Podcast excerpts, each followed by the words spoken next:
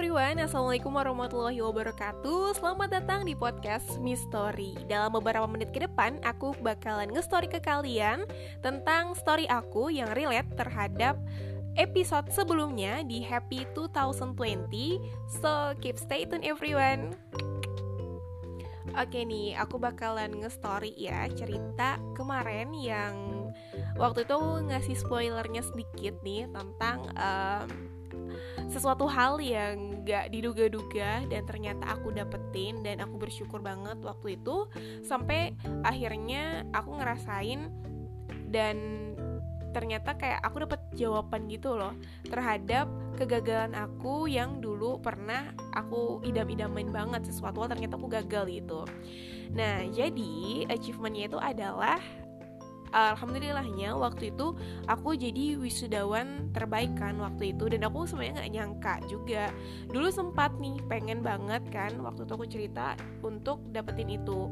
Sampai akhirnya aku yang kayak hopeless karena udah tahu nih kayaknya bukan aku. Karena ada teman aku yang dia lebih lebih ya nilainya lebih bagus. Terus dia lebih dekat juga sama dosen lebih berprestasi lah pokoknya dibandingin aku yang yang biasa aja gitu kan dan ternyata enggak. Aku sama dia tuh beda uh, wisudanya. Dia wisuda ke 98 dan aku di 99 gitu. Ya udah nih aku tuh nggak nyangka bener beneran. Waktu tuh aku dikabarin kan enggak dikabarin ma cuma dikasih uh, jadwal wisuda itu jamnya terus tuh pesertanya berapa. Aku bangun tidur waktu itu tuh siang ya aku ingat banget waktu itu. Bangun siang nih habis bangun siang pluk ada WA kan dari teman aku aku baca. Oh gitu ya. Kirain aku wisudanya tuh dia dua sesi gitu. Karena sebelumnya teman aku kan dua sesi karena covid-19 nih. Jadinya wisudanya itu kayak ada sesi gitu biar ada uh, social distancing ataupun mematuhi dari protokol kesehatan. Bagus sih sebenarnya. Ternyata aku nggak aku nggak ada lihat nama aku masuk di tabel tapi ada nama aku sendirian. Itu paling atas. Nomor satu rasanya ya. Eh nggak nomor satu sih. Pokoknya rasanya nggak ada nomornya deh. Pokoknya nama aku aja gitu kan. Terus tuh oh yaudah nih aku nggak balas eh nggak aku balas nih. Salah nih. Aku rada lupa ya udah udah aku lihat ternyata oh berarti aku sesi siang dong nih gitu, gitu kan. Soalnya aku lihat itu jamnya jam setengah sembilan. Ya udah nih oh ah masa sih? kata teman aku. Teman aku juga nggak tahu soalnya nggak ada tulisan nggak ada keterangan uh, siapa wisuda terbaik saat itu. Ternyata um, aku bingung nih.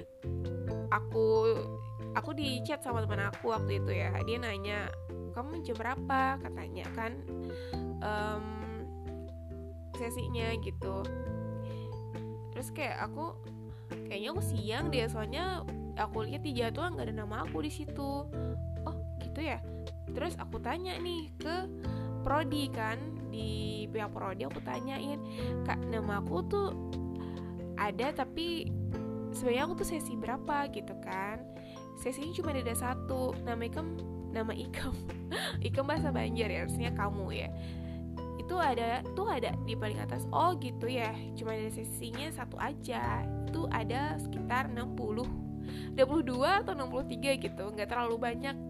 Jadi aku itu kayak laki gitu sih kayak hoki sih sebenarnya dapetin achievement itu. Ya karena um, orangnya nggak terlalu banyak juga. Tapi tetap yang alhamdulillah gitu kan setidaknya aku uh, secara apa tingkat nilai lebih tinggi gitu. Tapi kan nilai bukan jadi patokan sih sebenarnya menurut aku ya. Karena aku dapetin aku dapat apa dapat achievement itu ya cuma dapat sertifikat doang. Nggak ada yang uh, buat dapat beasiswa nggak ada. Ataupun dapat uh, ada yang nge-hiring itu nggak ada juga. Tapi ya setidaknya bersyukurlah dari situ kan aku dapat um, pengakuan atas kerja keras yang aku um, ingin uh, yang udah aku kerjakan gitu. Karena dulu nih sempat aku pernah waktu itu nonton video kan. Uh, nonton video di situ dia seorang uh, psikolog namanya itu analisa ya. Jadi analis mbak analisa itu dia anak UGM kan. Nah dia tuh pengen banget jadi uh, wisudawan terbaik rasanya. Terus uh, orang tuanya ngeliat gitu. Aku tuh langsung termotivate gitu. Aku ter termotivasi kan. Apalagi orang tua aku especially itu dari abah aku kan. Abah itu orangnya sangat um, apa ya perhatian terhadap pendidikan. Maksudnya kayak aku tuh harus yang ibaratnya belajar bener-bener karena beliau tuh bilang kalau pendidikan itu adalah tunggangan kesuksesan. Emang bener sih kayak kok kayak sama motonya kayak Nelson Mandela ya kan? Gak sih. Emang sih aku bersyukur banget uh, punya orang tua yang kayak yang bikin aku tuh tentang belajar tentang hopping gitu kan. Dari situ aku termotivasi aku belajar dong aku cari tahu gimana sih cara menjadi seorang wisuda terbaik gitu. Harus nilainya tinggi nggak ada C rasanya kan kayak yaudah aku belajar semuanya. Dan alhamdulillah aku dari semester 1 sampai semester 8 itu emang kamlut um, alhamdulillah juga aku nggak ada gak ada C aku paling rendah rasanya B min. Dan itu tuh nggak sih mata kuliah kewirausahaan. Aku B min ya Allah rasanya tuh salah apa gitu ngerjain tugas ngerjain. Tapi dapat B min ya udah oke lah. Mungkin bukan rezekinya ya ya udah. Um, situ sih oke okay, alhamdulillah gitu. Terus um, tentang story sebelum dapetin wisuda terbaik itu kan pasti harus kita sebagai seorang mahasiswa itu harus ngerjain sebuah karya yang harus kita selesaikan atau hasilkan. Yaitu adalah script suite. Jadi skripsi itu um, syarat kelulusan pastinya buat mahasiswa kan. Nah di sini storynya lucu juga, eh bukan lucu sih kayak aku ngerasa terharu ada juga gitu kan, karena uh, untuk cerita skripsi ini rada-rada yang panjang ya. Karena ini kan kan uh, aku skripsi itu ngerjainnya di saat pandemi kan di tahun 2020 di situ uh, waktu itu kan aku kayak yang udah aku pokoknya pengen banget dapetin dosen yang kayak gini kayak gini gitu kan. Aku setiap hari doa ya Allah dan ulun. Ulun itu artinya saya ya dalam bahasa Banjarnya mudahan ulun dapat dosen yang memudahkan untuk cepat secara cepat secara cepat apa sih? Uh, dapat dosen yang tepat karena biar lulusnya cepat gitu nilainya juga memuaskan. Aku berdoa dong waktu itu. Terus aku kan uh, deket banget sih sama orang yang di kerja di prodi dia yang kerja di prodi itu nggak nggak deket-deket banget sih. Tapi pernah ngomong terus kita orangnya juga asik gitu kan. Ya aku tanya-tanya dong oh dosen itu kayak gimana sih orangnya? Biasanya uh, kalau judulnya kayak gini yang mengarah tentang keuangan atau mengarah yang ke SDM atau operasional tuh uh, kebanyakan dosennya tuh dapat yang mana sih gitu kan? Aku tanya-tanya dong. Terus uh, aku nih kayak ah aku ada satu dosen yang bikin aku tuh simpati banget sama beliau dan ternyata jadi dosen membimbing aku sendiri. Um, beliau tuh orangnya um, gimana ya mendidik dan mengajar. Mendidik dan mengajar tuh beda ya. Kalau mengajar itu kayak ya udah ngajar ilmu yang dimiliki ditransfer udah gitu. Tapi kalau mendidik lebih dari itu. Nah aku dapetin dan termotivasi dan aku tuh kayak denger cerita beliau tuh kayak wow gitu kan. Ini orang-orang orang yang bener-bener emang cari ilmu tuh kayak gini. Orang yang ngajar tuh emang kayak gini. Karena waktu ujian pun beliau tuh bukan yang nyuruh kita tuh kayak yang dapet soal terus kerjaan tuh enggak kayak gitu. Tapi kayak yang misalnya kayak tentang teori beliau tuh minta buat kita ngeresum ngeresum gitu. Um, kalau tentang kayak perhitungan beliau juga orangnya sabar banget dalam menjelaskan. Sumpah sabar banget. Temen aku tuh satu nanya udah paham belum? Tanya lagi kan dosen aku tuh ke temen yang lainnya. Dia nggak paham. Dua kali. Sampai ada lagi nanya uh, dosen aku nanya ke orang udah paham nggak? Belum paham. Dijelasin lagi sama ya Allah itu semua sabar banget beliau ini gitu kan. Terus cerita beliau yang dulu um, kerja apa kerja keras buat tetap kuliah ternyata uh, dosennya itu ngejadiin kertas ujiannya tuh dijual ke orang jual nasi bungkus terus kertasnya buat bungkus. Terus tuh beliau lihat bungkusannya itu adalah covernya itu nilai apa uh, hasil kertas ujian beliau gitu. Ya Allah aku tuh rasa yang kayak ah, simpati banget sama beliau. Beliau tuh udah sabar uh, emang bener-bener kayak teliti gitu kan. Jadi aku berdoa gitu dan aku tuh pernah ngucap moga aja nih kak uh, ulun dapetin dosen beliau gitu karena aku udah simpati sama beliau. Dan ternyata waktu itu aku uh, aku inget banget ya waktu itu ada SK jadi SK-nya tuh kan surat keputusan dari penentuan dosen setiap mahasiswa. Aku di bengkel waktu itu jam 3 sore. Aku inget banget waktu itu. Dah aku buka dan aku baca. Ternyata aku salah satu mahasiswa bimbingan beliau. Sumpah itu aku seneng banget. Karena sebelum sebelumnya aku setiap hari aku sholat aku aku nangis gitu benar tuh dan aku tuh berharap biar jadi mahasiswa bimbingan beliau. Dan ternyata itu tercapai. Eh bukannya terkabulkan. Alhamdulillah.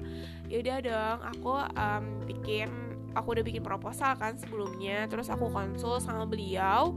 Dan beliau tuh orangnya emang bener-bener uh, ngecek gitu. Beliau tuh orangnya teliti banget gitu. Jadi ditinggal dulu kan.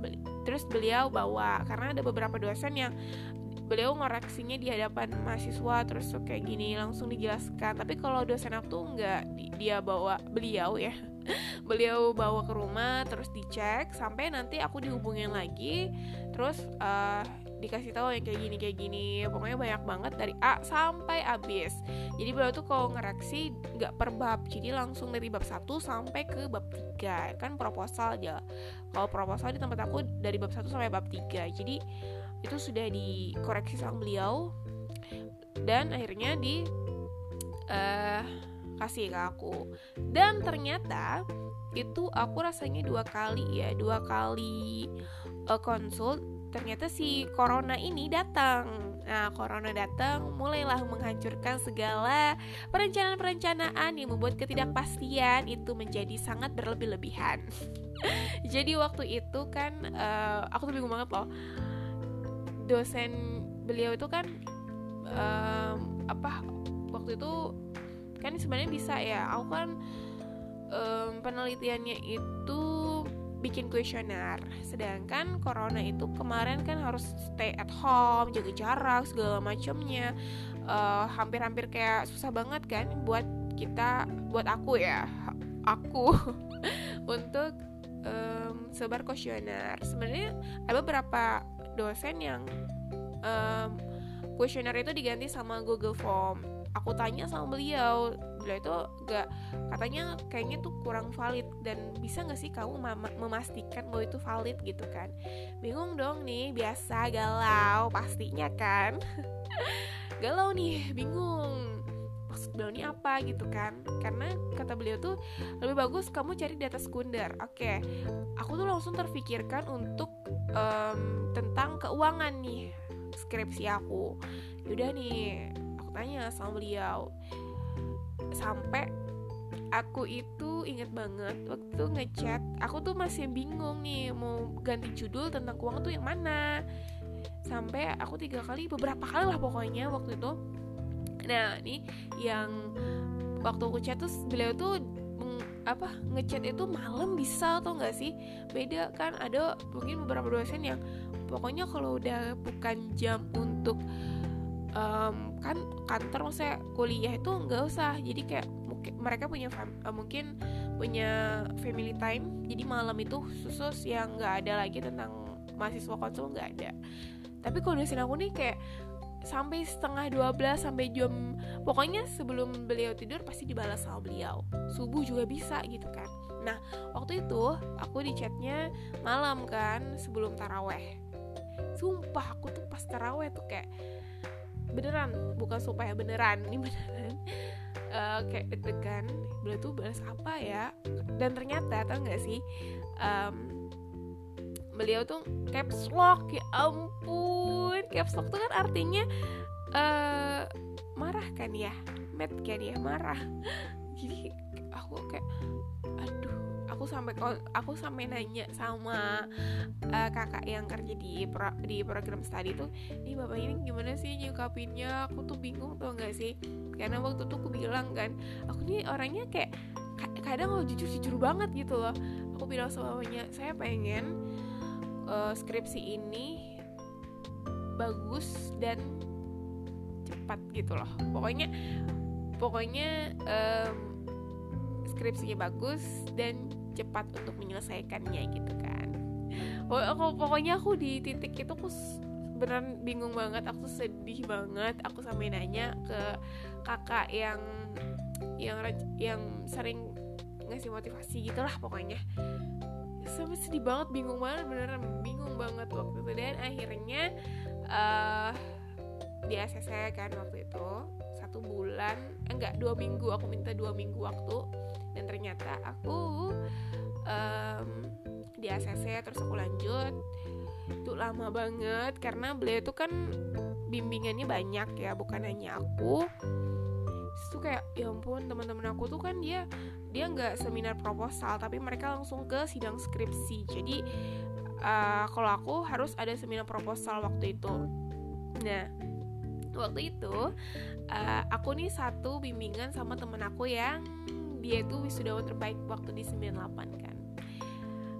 Um, di situ tuh jujur aja sih sebenarnya aku kayak yang sama dia tuh nah dia ini adalah orang yang uh, aku waktu itu udah hopeless nih untuk jadi wisuda terbaik. Karena aku tahu kayaknya dia nih pasti dia karena nilai tinggi banget sumpah.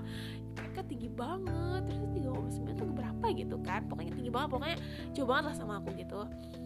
Terus dia ternyata mau um, seminar proposal. Sedangkan nih punya aku aja itu belum dikoreksi sama beliau aku udah selesai rasanya udah sudah, selesai bab uh, judul baru bab satu sampai bab tiga.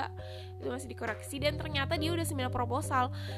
Tau gak sih waktu itu um, waktu dia kan itu online ya pakai Google Meet waktu dia presentasi sumpah beneran nih aku nangis tau gak sih? Aku nangis kenapa sih? Gitu kan. Aku tuh selalu kayak nanya tuh why me? Gitu why me? Kenapa kenapa kenapa nggak aku gitu kan? Kenapa aku tuh udah planning kan dan aku udah semangat buat buat dapet uh, cepat gitu. Ternyata dia gitu kan. Karena aku tuh udah semangat banget waktu itu. Aku ingat aku ingat banget nih kejadian di mana aku bikin mau pra pra survei waktu itu ke dinas UMKM kan. Nah di situ sebenarnya belum ada pembagian uh, bimbingan. Belum ada dapat dosen pembimbing.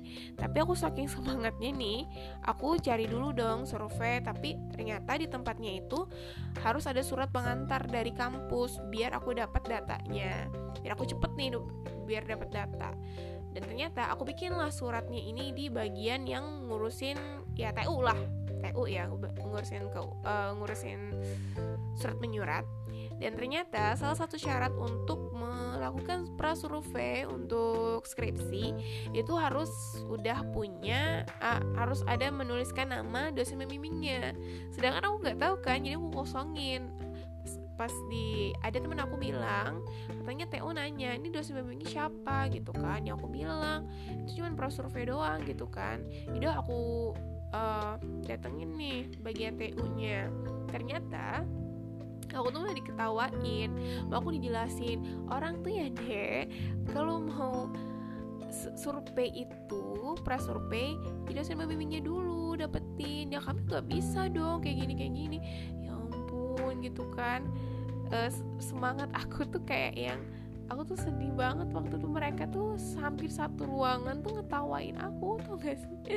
Tapi udah nggak apa-apa sih udah cerita lama lah. Jadi ya aku santai aja sih. Lanjut ke cerita yang sampai mana ya? Sampai oh iya sampai aku nangis ya waktu di seminar proposal temen aku.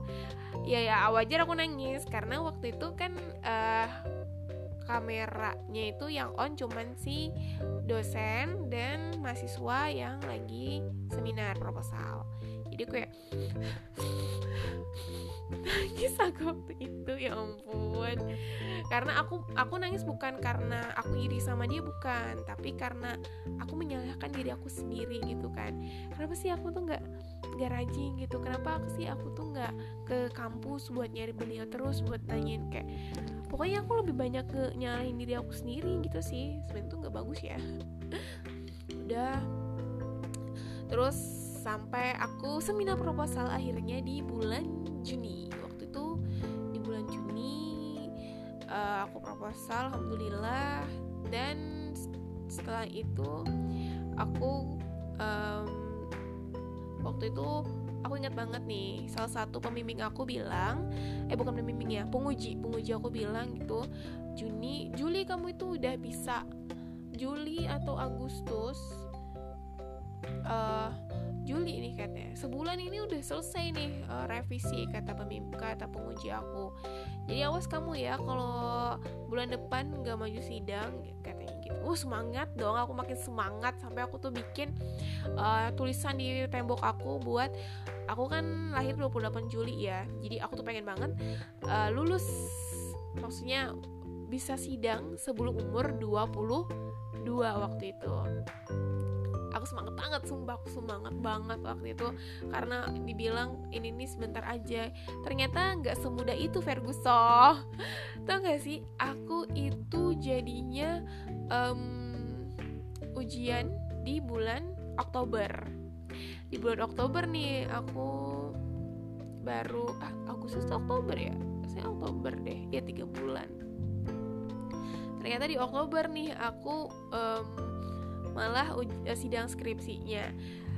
Ya ampun itu aku nangis lagi nangis gara-gara aku kan udah revisi nih. Revisi aku udah ngirim aku nanya dulu dong pak ini bisa saya kirim atau bagaimana? Kataku kan.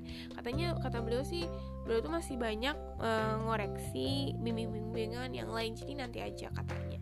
Yaudah nih ternyata kawan aku yang mau ngirim juga dia ngirim langsung nggak nanya dulu kayak aku. Jadi ya duluan dia ya udah sih nggak apa-apa sih emang rezeki dia. Ya udah nggak apa-apa. Terus ya udah nih aku nunggu nih sampai aku nanya-nanya tuh kan belum katanya gitu. Eh bukan sih.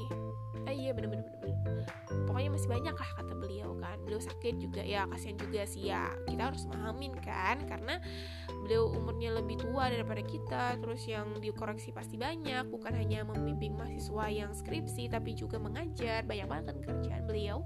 Dan beliau itu orangnya yang maksimal banget menurut aku yang ibaratnya kalau ada tugas tuh dan beliau meriksa beliau nggak yang meriksa asal-asalan meriksa dari A sampai Z gitu wajar jadinya spend time-nya lebih lama. Terus um, aku nangis waktu itu pas aku nanya ya satu bulan atau dua, dua bulan rasanya. Ternyata aku tuh belum dikoreksi punya aku dua bulan aku nungguin lama banget ya allah. Aku tuh kayak belum dikoreksi pak? Terus kayak ya allah aku udah nunggu-nunggu lama kataku kan. Semua dosen tuh kayak udah ya udah saya saya ACC gitu kan pembimbing dua sama pengunci aku kayak saya oke okay aja gitu kan. Ternyata bapak pembimbing aku sendiri yang kayak yang bikin aku kayak yang crowded banget. Jadi kayak yang buat cepet lulus tuh kayak rada-rada susah di uh, si pembimbing impian aku ini. Tapi dari situ sih kayak yang kayak ya udah. Tapi um, ternyata ya alhamdulillah aku tetap lulus waktu uh, tetap lulus maksudnya sidang alhamdulillahnya di bulan Oktober. Terus kan um, dan aku ada uh, mikir waktu itu aku mikir eh aku tuh kayak keinget masa lalu keinget masa lalu oh iya ya dulu itu nih aku kan uh, pengen masuk di jurusan akuntansi karena aku SMK-nya akuntansi kan pengen jurusan akuntansi ternyata jatuhnya di pilihan kedua di administrasi bisnis.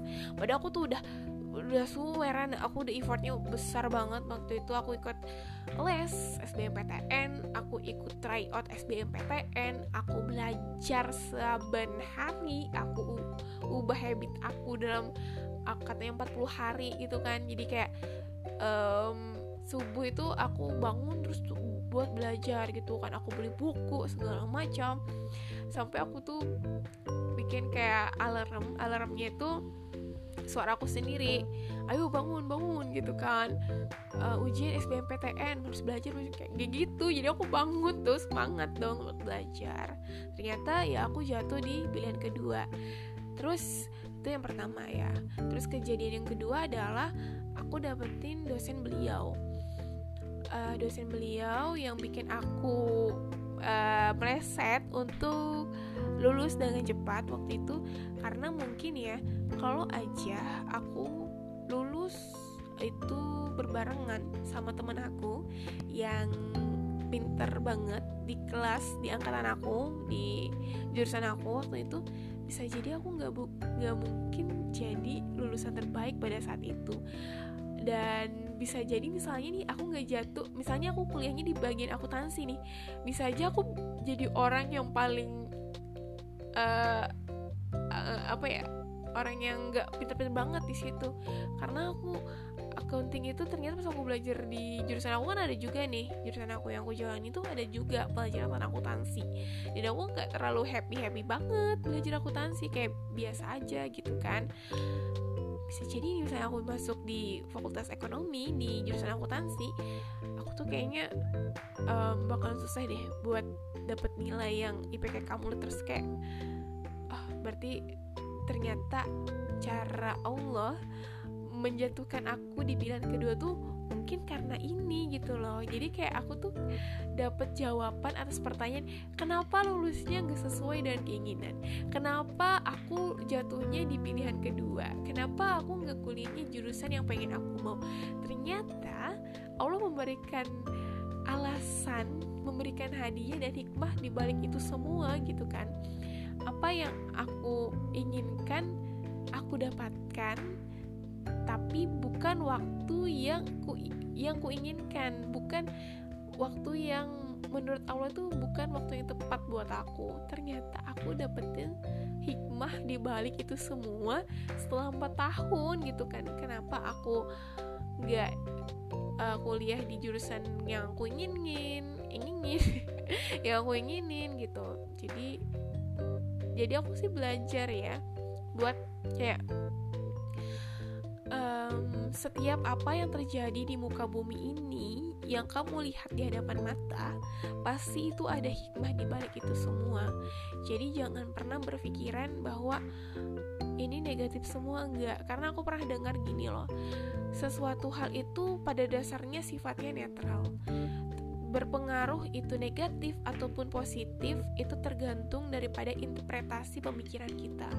Jadi sesuatu hal itu ada orang yang bilang COVID-19 itu negatif sehingga membuat semua perencanaan mau traveling itu gagal. Tapi ternyata kalau kita interpretasikan secara positif itu membuat kita tuh kayak yang merasa oh iya ya traveling emang batal. Itu membuat tabungan aku jadi bertambah gitu kan. Uh, cost buat traveling itu nggak terpakai. Aku bisa gunain di investasi dan itu lebih menghasilkan bener kan Cici ya? Lebih banyak berpikiran positif jadi interpretasi ke arah yang positif gitu. Jadi um, hal itu tuh kayak yang kejadian itu membuat aku misalnya ada sesuatu hal lain aku belajar dari situ. Dan aku tuh berdoa semoga aja aku ditampakkan maksudnya alasannya tuh apa gitu kan hikmahnya tuh apa gitu. Jadi buat kalian yang ngerasa kenapa sih? Why me? Why me? Why me? gitu. Kenapa aku? gitu kan. Kata Allah why not? Karena yang mampu kita yang mampu kamu gitu maka jalanin aja setiap apa yang sudah digariskan sama Allah. Udah 29 detik 14 29 detik. Yang mau cepet banget. 29 menit hampir setengah jam. Dan buat kalian yang masih dengerin sampai akhir bersyukur banget ya akunya didengerin dan semoga bermanfaat buat kalian. Petik hikmahnya kalau ada yang kurang silahkan komen. Aku um, bersyukur kalau kalian ngasih advice ke aku ngasih pendapat kurangnya di mana? gitu kan. Uh, yang diperbaiki harus apa aja dari segi nge-recordnya segi suaranya maupun dari segi penyampainya seperti apa isinya seperti kayak gimana gitu kan. Jadi aku berharap berharap susah banget ya. Jadi hopefully buat kalian yang ngasih yang mau ngasih saran ataupun masukan itu kalian bisa DM aku di Instagram di strchmh karena kalian bisa lihat um, Instagram aku dan di follow juga. Kalau mau kalau nggak mau ya yaudah nggak apa-apa sih nggak ada paksaan buat kalian. Karena kalau nggak follow juga nggak akan penjara kan. Jadi nggak apa so thank you banget. Wassalamualaikum warahmatullahi wabarakatuh. See you and bye bye